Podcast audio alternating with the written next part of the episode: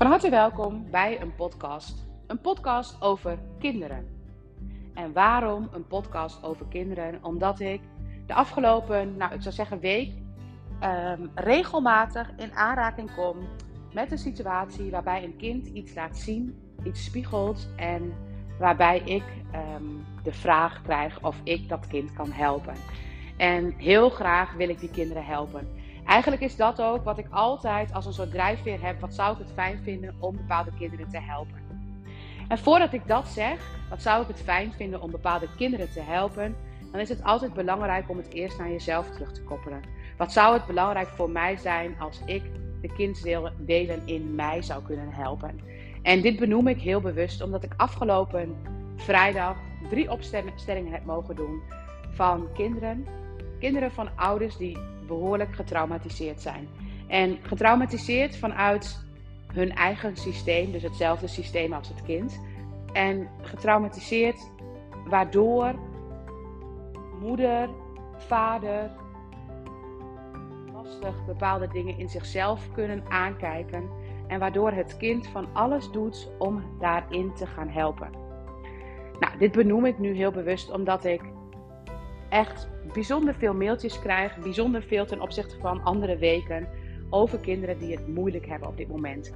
En die kinderen die het moeilijk hebben, die zou ik ongelooflijk graag willen helpen, maar ik weet ook als ik het kind zelf help, dat ik dan niet voldoende kan doen.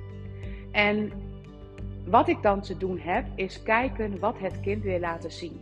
Want wat altijd de basis van alles wat kinderen ons laten zien is, is dat dat wat het kind laat zien een oplossing is. Zoals in de Germaanse geneeskunde een ziekte altijd een oplossing is, zo is ook het gedrag van een kind een oplossing voor het systeem. En mogen wij deze kinderen zien. Afgelopen vrijdag had ik drie opstellingen. Eén opstelling ging over een schildklier, over iemand die een schildklier heeft, die een auto-immuunziekte heeft. En deze schildklier die liet iets zien van het systeem van moeder, van een oma die heel erg veel oorlogstrauma heeft meegemaakt. Oorlogstrauma waardoor zij besloten heeft om voor altijd door te gaan. Ik moet doorgaan, want ik weet zeker, als ze niet door was gegaan, dan was ze dood gegaan. En als je systeem altijd door moet gaan, altijd maar door moet gaan, dan kun je op een gegeven moment niet meer rusten. En dan wordt, is er niet meer een conflict van alleen maar ik moet doorgaan. Maar dan is er naast een conflict van ik moet alleen maar doorgaan, ook een conflict dat er geen rust is. En deze discrepantie in een systeem, die kan het systeem een auto-immuunziekte geven. Oftewel, er komt een weerstand op je eigen systeem. Dus eigenlijk, er komt een weerstand op en door, op het systeem van en door, want er moet nu een keer rust gaan komen. Dit was nog maar één van de drie situaties, want er was ook een situatie waarbij het ging over een relatiethema.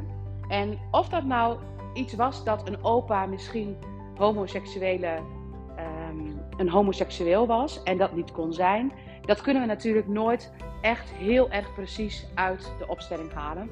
Maar dat gevoel gaf het wel. En het zorgde ervoor dat eigenlijk alle relaties net niet helemaal kloppen. En als alle relaties net niet helemaal kloppen, dan moet daar ook iemand in het systeem zijn die eigenlijk niet op zichzelf kan focussen, maar die probeert om alles in het systeem weer kloppend te maken. En zo was er ook een situatie van incest. Incest waardoor oma in dit geval, of eigenlijk nee, moeder in dit geval, maar ook een oma van een kleinkind die het weer laat zien. Um, waardoor oma die was misbruikt. En oma die misbruikt was, we weten niet of het iemand van het gezin of van de familie was, maar we konden wel voelen hoeveel schuld daar zat en hoeveel slachtofferschap, hoeveel werkelijk oma zich een slachtoffer voelde en eigenlijk gedistanceerd was van het gevoel wat daar speelde. Met alle gevolgen van dien. Want oma had dat, maar daardoor kon deze moeder ook niet voor zichzelf, zichzelf voelen. Kon ze niet in haar eigen systeem voelen. Ze stond aan om maar te gaan doen en te gaan doen en te gaan doen. Maar ze kon niet voelen, want als ze zou gaan voelen, dan zou ze precies in deze kwetsbaarheid van oma, van moeder, van haar moeder terechtkomen. En dat gevoel, daar kon moeder niet bij, of haar, haar of de oma. Het is een beetje ingewikkeld als je kijkt vanuit welke lijn. Maar die kon daar niet alleen bij. Maar daardoor, omdat je altijd in het doen gaat, kom je ook zelf niet in het voelen.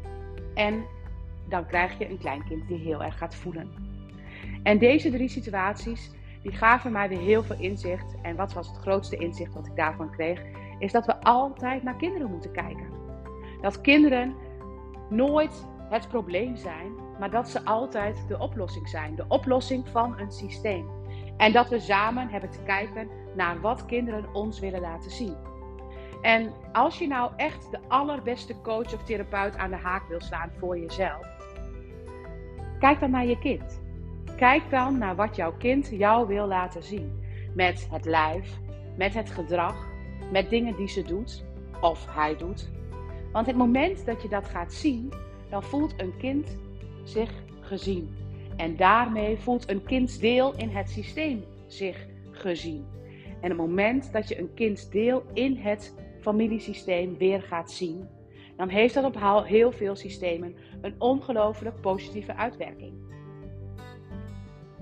Een kind zien. Ik had al heel erg lang de naam dat het belangrijk was om kinderen te zien.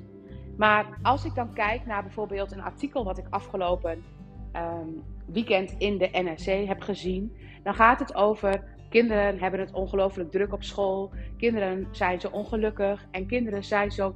En eigenlijk alles wat we te horen krijgen over wat er met kinderen op dit moment aan de hand is, dat zijn dingen die met onze kindsdelen aan de hand zijn. Dat is bij onze kindsdelen aan de hand. Onze kindsdelen hebben zo ongelooflijk veel druk ervaren. Onze kindsdelen die hebben, um, die hebben nooit rust genoeg kunnen nemen. Onze kindsdelen, die hebben allemaal dingen gemoeten, waardoor de kindsdelen nu niks meer willen, niks meer moeten. En onze kindsdelen waren misschien allemaal helemaal niet zo heel blij. Ze waren allemaal misschien wel een beetje kantje depressief. En op het moment dat wij dan denken dat onze kinderen depressief zijn, dan leggen we het weer bij onze kinderen neer en dan proberen we daar een oplossing te gaan vinden. Maar wat als dat wat de kinderen ons laten zien, ons een oplossing zou kunnen bieden? Dat wij dat wat zij ons laten zien, dat we dat naar onszelf toe halen. Dat we gaan kijken wat zij ons willen vertellen. Vanmorgen, het was nog een hele kleine situatie wat er ontstond. En toen dacht ik meteen, ja hoor, dat is weer zo'n situatie. Jort, mijn zoon, moest iets voor Nederlands doen. En ik had gisteren al gehoord dat hij het voor Nederlands moest doen. Maar in actie komen had ik hem nog niet zien doen. En ik vreesde een klein beetje dat ik vanmorgen dat op mijn bordje zou krijgen. Dat ik hem heel snel nog even moest gaan helpen. En eigenlijk uit een soort redderactie wilde ik al van alles gaan doen. Vroeg ik daar ook om en Jort dacht, nou nee, en het is natuurlijk zijn eigen verantwoordelijkheid. Maar ik zou mij vervelend voelen als Jort het de volgende dag niet klaar zou hebben. En ik zou me ook vervelend voelen als mijn planning daar vanmorgen mee in de war zou raken. Maar ik heb het losgelaten. En wat schetste natuurlijk de verbazing niet? Oftewel, wat was er aan de hand? Jort ging mij vanmorgen vragen of ik hem nog zou kunnen helpen met het uitprinten van de documenten die hij had, die hij gelukkig wel had. En of er nog een gedicht zou kunnen schrijven. Want een gedicht schrijven, dat was toch niet helemaal zijn ding. Dat kon hij toch niet helemaal zo goed. Dus ja, dat wat ik al vreesde, dat was precies aan de hand. En wat mijn probleem was, ik vond het belangrijk dat Jort daarmee naar school ging. Ik vind het heel belangrijk dat hij zeg maar, zich fijn voelt op school. En dat hij dan niet hoeft te zeggen dat hij het niet gemaakt heeft. Dus ik wil daar eigenlijk alles wel voor doen. Terwijl in dit geval het toch echt zijn eigen stukje was. En ik dacht, weet je wat, ik ga hem daarmee helpen. Ook al voelde het voor mij, als ik naar mijn kindsdelen kreeg, voelde het niet alsof ik dat heel graag zou willen. Maar ik zou het doen omdat ik me anders naar en schuldig zou voelen over het gevoel wat dat weer teweeg zou brengen bij hem. Lekker ingewikkeld. Toen ik het hem had geholpen met het stukje van het gedicht, toen vond hij mijn gedicht te lang. Oftewel, ik had hem geholpen en ik kreeg alsnog, zeg maar, eigenlijk een soort tik over de vingers. En daar irriteerde ik mij aan. Dus ik zei tegen hem van, jeetje man, dan help ik je. En dan ga je alsnog, zeg maar, ga je dit doen. Nou, ik vroeg, nog ik vroeg je of je wilde helpen, maar je mag ook nee zeggen. Je hoeft niet te helpen. En als ik dan dit nu zo heb, zei je, dan uh, mag ik toch ook zeggen dat ik het anders zou willen. Want um, ik, ja, dit was zijn manier om het af te krijgen. En dat klopt ook helemaal. En ik snap ook helemaal wat hij me wil laten zien. Want ik deed het vanuit schuldgevoel. Vanuit het gevoel dat hij anders tekort hem tekort gedaan zou worden. Ik voelde eigenlijk al dat hij mij tekort deed. Ik had allemaal ideeën erbij. Maar wat als ik daar allemaal niet mee bezig zou zijn? Wat als ik gewoon lekker helemaal nergens over na hoefde te denken en alleen maar hoefde te voelen wat belangrijk voor mij was? Wat ik heel graag wilde, zoals Jort mij precies liet zien wat hij heel graag wilde. En als je dan zo kijkt hoe hele kleine situaties, waar ik echt wel duizend oordelen bij hem neer zou kunnen leggen, eigenlijk precies mij vertellen wat ik zou mogen doen. Ik hoef alleen maar te zeggen of ik het wel of niet wil. Ik hoef daar s'avonds van tevoren al niet over na te denken wat voor gevolgen het zou hebben als hij het niet zou hebben gedaan. Ik denk als ik had gezegd vanmorgen, sorry Jort, dat ga ik nu niet doen, dat het even goede vrienden waren geweest. Dat hij daar helemaal geen nagevoel over had gehad. Ik heb dat nare gevoel. En ik doe alsof hij dat gevoel ook heeft. Dat is mijn probleem. En als hij dan uiteindelijk, zeg maar, wel dat ik hem help. En als hij dan uiteindelijk vindt dat het nog niet helemaal goed is. Dan voel ik mij bezwaard omdat eigenlijk ik al een stapel aan ellende vanaf uh, daarvoor heb staan. Maar wat als hij daar helemaal niet mee bezig is? Dat hij gewoon denkt, ja, ik zou het wel fijn vinden als hij nog korter is. Dat hij alleen maar denkt aan wat hij fijn zou vinden. Oftewel, dat ik eindelijk, net als Jort, steeds alleen maar aan mezelf hoef te denken. Aan niemand anders. Dus ik kreeg vanmorgen in het klein, in iets waar ik, waar misschien als je het hoort, dat je echt denkt: jeetje, nou, dat soort situaties ken ik. Maar weet dat er altijd een boodschap voor jezelf in zit. En dat als ik dat daar aankijk, als ik daarna kijk, dan moet ik nu alweer glimlachen. Dan krijg ik altijd: dankjewel mama, na afloop. En dan is het uiteindelijk zeg maar altijd weer goed. Precies het gevoel wat ik zo graag zou willen hebben. En hij heeft mij eigenlijk, eigenlijk moet ik zeggen, dankjewel Jort. Want hij heeft mij echt een cadeautje gegeven.